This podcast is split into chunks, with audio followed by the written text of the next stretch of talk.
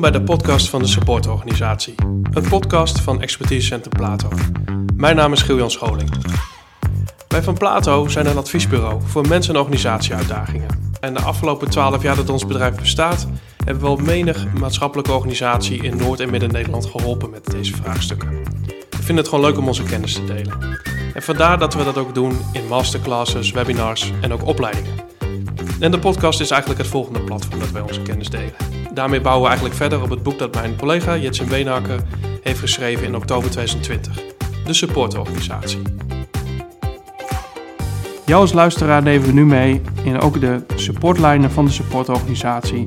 Met een paar praktische tips hoe ook jij meer wendbaar kunt worden in jouw organisatie en jouw praktijk. Heb je vragen naar aanleiding van deze podcast? Stuur deze gerust op en laat ons weten wat je hiervan vindt. De vragen kun je sturen naar podcast.plato.nl. Jitsin, in, uh, met de teams aan de slag gaan, uh, benoem jij ook wel eens in de metafoor van een waterfiets. Hoe ben je tot die metafoor gekomen? Nou, dat is eigenlijk um, voortgekomen uit die insteek dat je bij het werk moet beginnen en, en niet zozeer bij de verandering. Um, ja, ik zie toch veel organisaties bij de verandering beginnen. Dus bij, bij het gegeven van, nou, we gaan zelf organiserende teams worden. En als teams daarmee aan de slag gaan, dan viel mij op een gegeven moment op van, nou, je kunt dat inderdaad vergelijken met als, je, als je met een groepje op een waterfiets gezet wordt. Dat is vaak in het kader van een, van een familieuitje of een, iets met, met, met je sportteam of, of misschien ook op het werk, een soort teamuitje. Nou, en eerst denk je, oh leuk, hard trappen en, en veel energie erin steken, lachen, gieren, brullen. En, en na een kwartiertje of zo, nou dan denk je, goh, nou, die waterfiets, waarom zit ik eigenlijk op dat ding? En waar gaan we eigenlijk naartoe? Um, nou, ik word er misschien ook een beetje moe van. Uh, kunnen we nog wat anders gaan doen? En um, ja, wie, degene die aan het stuur zit, waar gaan we nou eigenlijk precies naartoe? Uh, misschien krijgt er wel een behoefte aan uh, om, om te gaan zwemmen. En zeggen, nou stop dat ding maar eens even, we gaan, lekker, we gaan eens even wat anders doen. En dat is ook wat mij opviel bij, um, als je begint bij het zelforganiserend werken.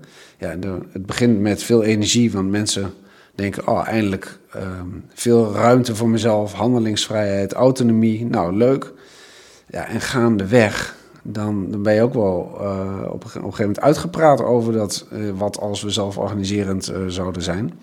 Dan denk je, laat maar weer aan het werk gaan. Nou, en dat is precies die metafoor die ik met die waterfiets wil maken. Um, ja, wees je er dus als organisatie van bewust dat de energie maar heel, heel kortstondig op het thema zelforganisatie zit. En veel langduriger uh, aan, aan dat werk uh, verbonden is. Dus dat is ook, ook wel de kunst. Je kunt best op die waterfiets stappen. Maar, maar doe het dan ook echt als, uh, als, als energizer, als teamuitje, als aftrap. Maar op een gegeven moment moet je hem ook gauw weer in de rietkraag duwen en overgaan in het werk. Want ehm, ja, anders dan uh, kom je te dobberen en te drijven allemaal. Uh, dan kun je afvragen of je als organisatie er wendbaarder op wordt of misschien alleen maar heel chaotisch. Bij teamontwikkeling kom je eigenlijk vrij snel op een paar onderwerpen terecht die ja, besproken moeten worden en ook met elkaar eigenlijk afgestemd moeten worden. En jullie noemden net al de, doelstellingen met elkaar, maar ook natuurlijk een stukje coördinatie. Hoe nemen we besluiten? Hoe gaan we om met meningsverschillen, geschillen? Um, in de vorige aflevering ging het heel kort even over sancties. Um, wat kunnen jullie daarover vertellen? Welke onderwerpen kom je veel tegen bij uh, teamontwikkeling? Nou, dat begint wat mij betreft niet zozeer bij die onderwerpen. Maar meer bij de constatering dat er dus allerlei aannames zijn. En um, dan gaat het al heel snel over uh, zaken als besluitvorming. Dus op het moment dat je uh, verantwoordelijkheden laag legt en, je reduceert het aantal leidinggevenden, um, dan is het goed om je te beseffen dat daarmee dus besluitvorming niet meer door die leidinggevende gedaan was. Dus dat komt in dat team te liggen. En dan is het wel op zijn minst handig dat je met teams erbij stil hebt gestaan van oké, maar als er dan besluiten niet vanzelf tot stand komen, ja, hoe doen we dat dan met elkaar? Dus dat is, dat is er eentje die ik heel veel tegenkom. En um, het aspect van heldere doelen stellen uh, is er één, maar ook um, duidelijke kaders vanuit de organisatie. Dus ehm, ja, welke, welke beweegruimte hebben wij eigenlijk? Wat is onze opdracht? En het zijn natuurlijk hele relevante zaken om goed tot afstemming te kunnen komen met elkaar. Ja, ik merk vooral dat eigenlijk de, ehm, nou ik zou zeggen 80% gaat vaak over onduidelijkheid. Um, en dan is de fase vooral om duidelijkheid te creëren met elkaar als team. Er kan zijn duidelijkheid over rollen, maar ook over verantwoordelijkheden. Of hoe doen we dat nu eigenlijk als team? En de grootste valkuil is om dan uh, in ons hoofd te gaan zitten en allerlei dingen te bedenken. Um, en de kunst is om dan ook dat weer direct uh, dicht bij het werk te houden. Dus vooral duidelijkheid bieden over waarin iemand een concrete situatie heeft waarin hij of zij tegenaan gelopen is. Um, en die met elkaar oplossen. In plaats van het te gaan uh, veralgemeniseren en een uh, haast een soort organisatiebeleid te ontwikkelen. Nee, blijf heel kort bij het, uh, het voorbeeld wat, wat iemand aandraagt. Um, het bijkomend voordeel is ook dat het dan dus gaat over hele concrete zaken en waarin iemand ook opgelucht is dat het opgelost is. dus de quick win zit hem vaak ook in het creëren van duidelijkheid. En soms is het heel heel bazaal in de zin van gewoon waar is het lijstje eh, met wie waarvan eigenaar is. Uh, waar moet ik terecht? Uh, dat soort simpele overzicht aan lijstjes. Ik roep wel eens van die horen op iedere muur haast te hangen in, in iedere kantoor. maar daar begint het wel. Creëren van duidelijkheid, de basis goed op orde. Um, dat merk ik dat dat heel erg belangrijk is eigenlijk bij teamontwikkeling. En bij teamontwikkeling omschrijven we vaak ook de werkafspraken uh, in dat uh, document. Zo werken wij als. En wat je daar ook wel in, uh, in treft, is dat het team gewoon ja, omgangsvormen met elkaar wil, wil afspreken. En over het algemeen zijn die omgangsvormen vrij snel gevormd. Hè. We zijn open en eerlijk tegen elkaar. En als er iets is, dan zeggen we dat. En spraken vrij hoog over. Wat voor tips hebben jullie daarin om dat meer concreet te maken? Nou, een belangrijke tip is datgene wat het team niet in staat is zelf op te leveren, daar moet je met elkaar een tijdelijke rol op zetten. Dus op het moment dat gedrag bij herhaling um, niet uh, ja, tot um, goede samenwerking komt, hè, dus het gedrag blijft belemmerend, iemand komt steeds te laat, of twee zitten uh, de hele tijd uh, met elkaar te geinen terwijl de rest het, dat niet op prijs stelt. Um, en die afspraken die je erover hebt gemaakt, van ja, wij zijn open tegen elkaar, die blijken te hoog over. Nou, dan kan het helpen om specifiek binnen het team te zeggen: oké, laten we daar uiteindelijk een rol voor uh, in afspreken. En iemand dus te verzoeken namens het team op te letten. Uh, van goh, nu, nu ben je weer te laat gekomen.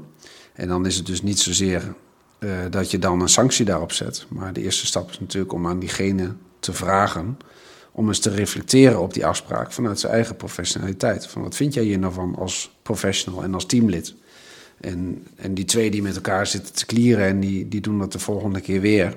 Dan is het wel prettig als je iemand hebt die specifiek vanuit die rol zegt: van nou, het valt me op dat jullie nu toch weer de sfeer beginnen te bepalen. Wat vinden jullie daar zelf van? En dat kan binnen een team kan dat dus heel laagdrempelig uh, helpen om vanuit zo'n rol uh, zaken terug te leggen. En inderdaad, um, blijf je hangen op het niveau van wij zijn open met elkaar als een soort van kernwaarde. Ja, dat is niet concreet, genoeg. Um, en de tip is dus, uh, richt daar tijdelijk een rol voor in binnen het team. Ja, wat, wat daar ook goed bij helpt en wat veel wordt gevraagd uh, in teams is, uh, is uiteraard het feedback geven, hè, het feedback ontvangen. Um, daar zijn hele boeken over volgeschreven. maar de kunst is ook daar weer van, goh, ga als team uh, aan de slag met, uh, met wat je zelf afspreken. Uh, we hebben altijd hele mooie voorbeelden waarin, bijvoorbeeld laatst van een team die zei van, wij, we spreken af dat we binnen 48 uur geven we iemand een reactie terug als we, als we een ongemakkelijk gevoel bij hebben. dat is een hele simpele regel, maar voor dat team werkte dat perfect. Um, en het zorgde, in dat team zorgde het ervoor dat mensen niet nog eens keer na drie maanden of soms zelfs na drie jaar terugkwam van... Goh, ik vond drie jaar geleden heel onprettig wat je toen en toen deed. Uh, waarbij de anderen aan de tafel ja, gaan nadenken... wat is er in hemelsnaam drie jaar geleden gebeurd. Um, dus zo kom je tot een, hele, tot een vrij simpele set aan afspraken. Maar nogmaals, uh, niet zozeer vanuit een theorie of vanuit een cursus gevolgd... maar meer van, uh, wat willen jullie met elkaar afspreken? Kijk, communicatie is toch ook wel een bindmiddel. Hè? Het wordt vaak op communicatie teruggevoerd, maar communicatie is wel een bindmiddel in in een team. Um, dus sta er ook bij stil. Hè? Hoe communiceer je met elkaar? Hoe, um, onlangs een, team wat zei van... Goh, we hebben de afspraak gemaakt dat wij um, niet meer van elkaar verwachten... dat we na zes uur op de WhatsApp kijken. Ehm, dat klinkt heel, heel makkelijk, maar hij is wel heel belangrijk om te maken. Ik bedoel, in ieder geval voor het prettige onderdeel zijn van een team. Op dat soort momenten kun je gewoon weg, ja, toch wel met elkaar als team hele goede afspraken maken. En dat veel mensen voelen zich daar prettig bij. Dus wat je zei is van, goh, vanuit het werk eh, aanhalen wat gaat goed en wat gaat minder goed en waar wil je afspraken over met elkaar maken. En dat zet je in zo'n zo werken wij documentje. Dus vooral niet ingewikkeld maken ehm, en vooral dicht bij de praktijk blijven. Een van de mooiste ervaringen die wij hebben opgedaan, vind ik zelf uh, bij een uh, buitendienstenafdeling. Uh, waar men, ondanks dat men wel open en eerlijk trachtte te zijn naar elkaar, wel moeite had om elkaar feedback te geven, met name ook gerichte, gerichte feedback. Is dat men eigenlijk een soort gedragskader met elkaar had opgebouwd. Van wat, wat vind jij eigenlijk een goede vakman? Uh, of wat vind jij eigenlijk een goede collega? En daar hadden ze eigenlijk een heel kader omheen gebouwd met voorbeelden op gedragsniveau. Wat zien we dan terug wat echt een goede vakman is? En wat is bijvoorbeeld een goede collega? En dan zag je dus wat Edwin ook in de eerste aflevering noemde. Een goede vakman is, die ziet het werk liggen. Dus die hoeft niet iedere keer aansturing te hebben, maar die gaat gewoon zelf op pad. En die beslist zelf van, uh, hier moet iets aan gebeuren. En een goede collega is dat je ook voor elkaar klaar staat en niet meteen afhaakt uh, als er een keer een collega zegt van, nou, ik heb even ergens hulp nodig. Um, en ook voorbeelden erbij van nee, wat verwachten we dan niet van elkaar? En dat was voor die mannen, want het waren voornamelijk mannen, uh, eigenlijk een, een, geweldig hulpmiddel om, uh, om gedrag meer bespreekbaar te maken. Ja, en het voordeel was in die situatie was ook dat door, door deze aanpak was het, werd het direct van hun. het was niet van de leiding, het was niet van de organisatie, het, waren hun, het was hun taal. En dan moeten we ook taal niet onderschatten. maar taal is essentieel. Uh, dus het feit dat zij met hun eigen woorden hebben kunnen benoemen. Um, wat zijn de vijf belangrijkste onderdelen die horen bij uh, collegialiteit? Dat maakt dat die nog steeds daar worden gehanteerd. Ehm, want dan hoef je er ook als, nou, als leidinggevende bij wijze van spreken, hoef je er nog maar weinig aan te doen. Want je hoeft alleen maar te spiegelen op hun eigen taal en op hun eigen gedrag en is uitermate effectief. Ja, het, het, het doet ook meteen wat met je. Als collega's tegen je zeggen: Ik vind jou niet zo'n fijne collega. Dat is toch vanuit een hele andere dimensie dan als er tegen je gezegd wordt: van uh, jij was toen te laat en wij horen uh, om negen uur binnen te zijn. Dat, is, nou, dat zou ik persoonlijk liever te horen krijgen. Het staat verder van me af dan als iemand tegen me zegt: Ik vind dat, dat jij je toch niet zo collegiaal gedraagt binnen dit team. Dus dat, plaatst ook meteen veel meer dichtbij. Ja, en dat geldt hetzelfde voor, voor hè, vakmanschap. Uh, dat raakt ook heel veel mensen. Uh, zeker de wat meer uitvoerende teams. maar ook bijvoorbeeld, we hebben het over professionals. gaan we eens ophalen. Wat, wat is eigenlijk het gedrag wat past bij een professional? nou, dat, ik denk dat je een bloemlezing krijgt aan, aan onderwerpen. maar dan, dan vorm je tenminste samen een kader. Dus ook qua teamontwikkeling, al die aannames die, die er zijn rondom iedereen begrijpt wel wat een professional is. Mijn uitnodiging zou zijn van ga opzoeken, uh, ga het vragen stellen. Um, en laat een team het zelf benoemen wat zij verstaan onder professioneel gedrag. Wat je ziet is dat het bij het geven van feedback um, in teams is vaak een van de drempels dat men elkaar best wel aardig vindt. En ook um, daarmee ook van hey, ik vind jou heel aardig, dus ik ga jou geen feedback geven. Dus in het voorbeeld van je komt te laat, ach, het is een aardige kerel of een aardige vrouw. Uh, en daarmee met het onderscheid tussen bijvoorbeeld professional en collega kun je daar wel het onderscheid in maken. Ik, je bent een geweldige professional en tegelijkertijd ja, op onderdelen een waardeloze collega, omdat je gewoon te laat komt en daardoor een deel van ons teamproces mist. Dus dat geeft ook wel een, een, stuk handvat van waar je het wel over hebt en waar je het niet over hebt. Wat zijn uh, voor jullie de do's en don'ts uh, bij, bij samenwerking verbeteren? Nou, de eerste, en die heb ik volgens mij al drie keer uh, genoemd, maar ik, noem hem nu maar voor de vierde keer. Uh, begin niet bij het hartje, maar begin ook hier weer bij uh, de doelstelling van het werken. Welke mensen dragen daaraan bij? En dat is een team. En zet dat team vooral in ontwikkeling. Eh, support dat team. En probeer afstand te nemen tot het hartje. Um, wat ik daar graag bij aan wil aanvullen is... Wij maken een bewust onderscheid tussen, we noemen dat wel eens basisteams en uh, opgaveteams. Uh, of noem het flexibele teams. Um, basisteams, dat zijn eigenlijk, iedereen zit in een basisteam. En een aantal mensen die zitten in een, ook, zeg ik er maar bij, ook in een flexibel team. Um, en dat kan gaan rondom een opgave of een project of whatever. maar die basisteams, daar wordt eigenlijk 80% van het werk gewoon gedaan. En voelt iedereen zich thuis? sommige organisaties noemen het ook een thuisteam. Dus, dus durf onderscheid te maken in teams. Ehm, kijk waar het werk zit, kijk wat de opdracht is, kijk waar de opgave zit. En formeer daaromheen een team. En al die teams hebben hun eigen dynamiek. Dus ook als je ehm, tien mensen uit de organisatie in een flexibel team zet, dan kent ook dat team weer een eigen dynamiek en een eigen niveau van doelstellingen bepalen, rollen verdelen, uh, communicatieafspraken maken um, et cetera. Dus um, het feit dat je als organisatie uiteindelijk, en dat, komt natuurlijk, dat, dat is ook mooi van die supportvliegen, want dan kom je eigenlijk ook weer op concern support. Het feit dat je als een hele organisatie steeds daarin support biedt op de ontwikkeling van teams, in welke vorm ook, um, dat maakt dat je ook uh, uh, steeds beter in staat wordt om te gaan als hele organisatie om te gaan met wendbaarheid. Dus kern van de tip is, uh, begin bij het werk en formeer daaromheen een team. Als je naar, naar samenwerking in organisaties uh, kijkt, dan, dan verwonder ik mij er ook regelmatig over wat, wat Edwin ook zegt vanuit, vanuit concern support. Ja, als je die samenwerking dan zo belangrijk vindt en als je dat vakmanschap dan zo belangrijk vindt, um, zorg dan ook dat je organisatie erop ingericht is. En um, ik kan me echt verbazen over de naar geestige werkomgevingen die, die aan mensen uh, geboden worden, uh, geboden, bijna verplicht gesteld worden. Met, met, met slechte uh, hulpmiddelen, um, laptops die, die verouderd zijn, bijna afgeschreven. beamers die, die nauwelijks nog een fatsoenlijk beeld kunnen projecteren. Uh, je, je, moet je drie uh, akkoordjes in de ronde werken, uh, wil je een, een goede smartphone krijgen. Nou, leidinggevenden die geworven zijn op basis van hun ambitie in plaats van wat bij het, bij het team past. Ik heb daar wel regelmatig zo mijn, um, nou ja, misschien wel meer dan een verwondering, ook mijn ergernis wel eens bij. Dat ik denk van ja, als je die professional dan zo belangrijk vindt en als je dan vindt dat het over vakmanschap gaat zorg dan in ieder geval dat daar ook de, de goede context bij geboden wordt, waar je energie van krijgt.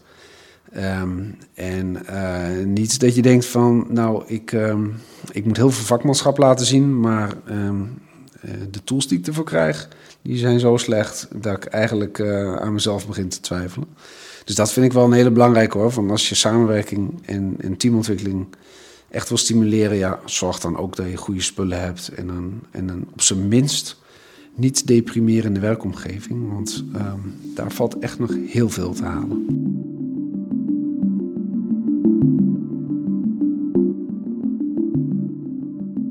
Een van de dingen die je in teamontwikkeling uh, tegen kan komen zijn de zogenaamde freeriders. Ik denk dat je dat kunt omschrijven als mensen die uh, wel de lusten uh, ervaren, maar eigenlijk wel wegduiken, weglopen voor de lasten die zij moeten doen. Hè, kun je praktisch zien als mensen die gewoon ja, minder hun best doen, eh, wat onder de radar blijven, anoniem willen zijn.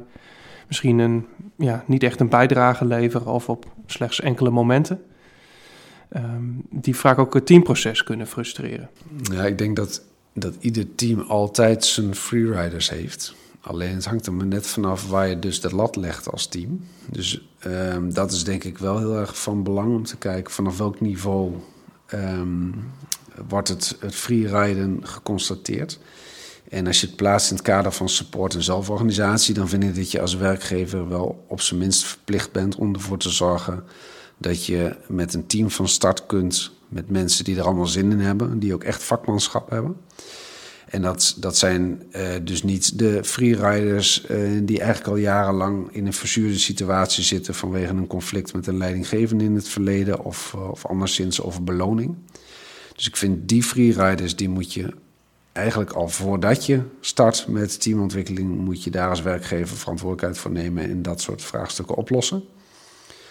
En um, in zelforganiserende teams zelf um, vind ik dus dat je scherp moet zijn op waar legt uh, het team het, het niveau van freerider ongeveer neer.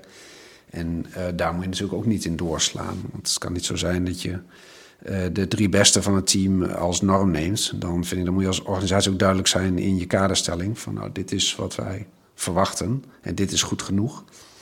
Um, want anders dan, dan creëer je ook een ongemak dat, dat je bij veel profitorganisaties wel ziet. Dat je bijna niet naar huis durft, omdat je anders als freerider uh, bestempeld wordt. Nou, ik denk dat dat uh, zijn doel dan ook wat voorbij schiet. Ja, volgens mij is het, wat Jitsen ook zegt, is het eigenlijk voor alle tijden. Hè? Ik bedoel, we kunnen ons op school vast ook herinneren. Er waren altijd groepjes waarin in een groepje van vier waren er drie die haat aan het werk waren. En die vierde die heeft zo'n beetje zijn diploma cadeau gekregen. Althans, dat was altijd het beeld. Um, wat volgens mij van belang is, en dat is ook wat we doen aan teamontwikkeling. Kijk, de basis gaat ook over vertrouwen, elkaar kunnen aanspreken in communicatie.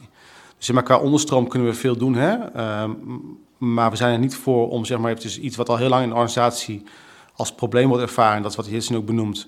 Uh, dat los je niet op door middel van zelforganisatie en ook niet door middel van een supportorganisatie. Uh, dus wees daar vooraan. Um, kijk, en zowel onderstroom of bovenstroom kun je, kun je dingen bedenken. Ik bedoel, we hebben mooie vormen gezien waarin we zonder te sturen uh, maakten we wel met informatie zichtbaar over um, wie welke productie leverde. dus dat is meer een bovenstroomactiviteit. Um, en zo krijg je wel dingen zichtbaar. En vaak hoef je dan niet eens meer te sturen, omdat al zichtbaar wordt wat iedereen bijdraagt aan het proces.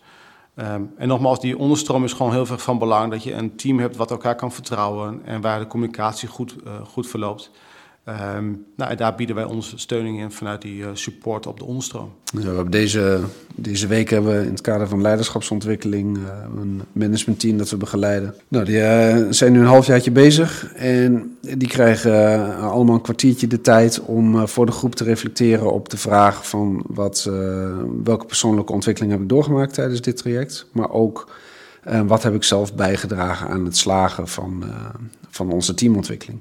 Nou, en dat zijn natuurlijk hele eenvoudige, laagdrempelige um, tips die we mee kunnen geven. Kost ook niet al te veel tijd, maar je hebt wel meteen scherp van um, als er dan freeriders zijn. Nou ja, als je een kwartiertje moet presenteren wat jouw bijdrage is geweest, dan ga je natuurlijk wel achter je oren krabben als je een freerider bent. Van, nou, misschien moet ik iets meer uh, gaan bijdragen dan wel, um, nou, misschien pas ik hier niet. Dus je kunt heel veel van dat ongemak kun je natuurlijk ook voorkomen dan wel een, eh, een boost geven. Tegelijkertijd zie je in teams ook wel dat de, het aanpakken van de freeriders nadrukkelijk een probleem wordt van het team. Hè? Misschien dat de leidinggevende minder een rol speelt of dat hij meer op afstand staat. Dat ook van het team dus wordt verwacht van, nou pakken jullie dit maar aan, hè? besmaakt het maar bespreekbaar. Wat voor, wat voor uitdagingen kom je daarin tegen? Ten eerste, de vraag is of je hem op die manier moet beschouwen, want dat is zeg maar, toch wel de negatieve benadering. Um, ik zal in ieder geval eerst pogen om de positieve benadering is... Um, uh, heeft het team wel duidelijk wat het doel is, hè, positief gezien, hè, um, en hoe iemand een bijdrage levert, op wat voor manier dan ook. Vanuit talenten, en dat wil dus inderdaad niet zeggen dat de lat voor iedereen even hoog ligt. Maar de vraag is van wat, wat draagt iedereen bij? En vervolgens, kijk, als iets totaal niet werkbaar blijkt te zijn, dan denk ik dat je als organisatie, en dat is ook leiderschap, uiteindelijk moet je als team ook kunnen aangeven, goh, het werkt niet langer. Um, en dan mag je ook terugkomen bij zeg maar, de organisatie, of in dit geval uh, uh, of het nou een directieteam is of, uh, of dat er nog een MT zit. daar mag je het wel degelijk aan aangeven dat het niet langer werkbaar is. Um, het is niet, het, soms kun je dingen ook niet oplossen binnen een team. Dus daar moet je ook gewoon eerlijk in zijn. maar nogmaals, ik zou in ieder geval altijd eerst de positieve benadering kiezen en dan pas, als dat echt niet blijkt te werken, ja, dan, dan moet je daar wel mee, mee terug. Wat is jullie supporttip voor samenwerking, voor teamontwikkeling? Nou, ik zal beginnen, neem eens tijd voor elkaar. Uh, uh, soms merken wij dat we, ehm, zeker natuurlijk in deze tijd van corona, ik zie me regelmatig bij een team binnenkomen waarin mensen elkaar anderhalf jaar niet hebben gezien in fysieke eh, vorm. En het feit dat mensen een, half, een halve dag bij elkaar zitten en elkaar zien en elkaar spreken, dat heeft al waarde. Eh, dus eh, neem tijd, dat is één. maar afgezien van corona ook voor de ontwikkeling neem daar tijd voor. Dus kijk waar de energie zit.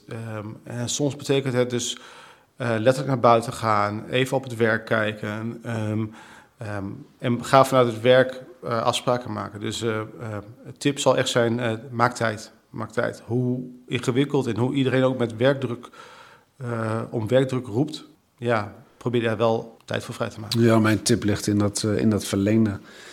En toen zegt ook, neem tijd voor elkaar. En um, ik zou vooral willen zeggen, ja, leer elkaar beter kennen.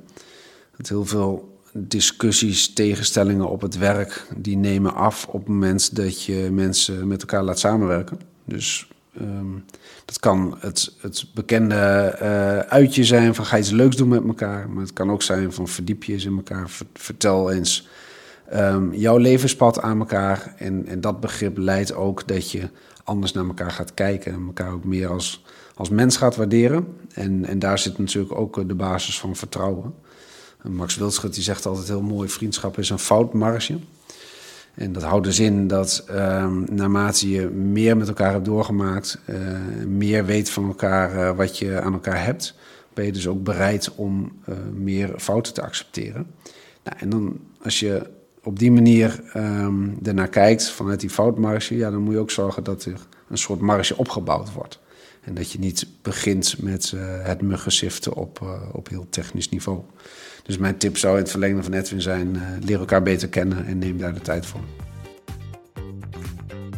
Dit was de aflevering van de supportorganisatie over hoe wij support bieden bij samenwerking. Je hoorde hier Jetsen Beenhakker, Edwin Melinga en mijzelf, Giljan Scholing. Mocht je nog vragen hebben over deze aflevering of je wilt iets kwijt, dan kun je ons bereiken via podcast.plato.nl. Mooi dat je er was en graag tot volgende keer.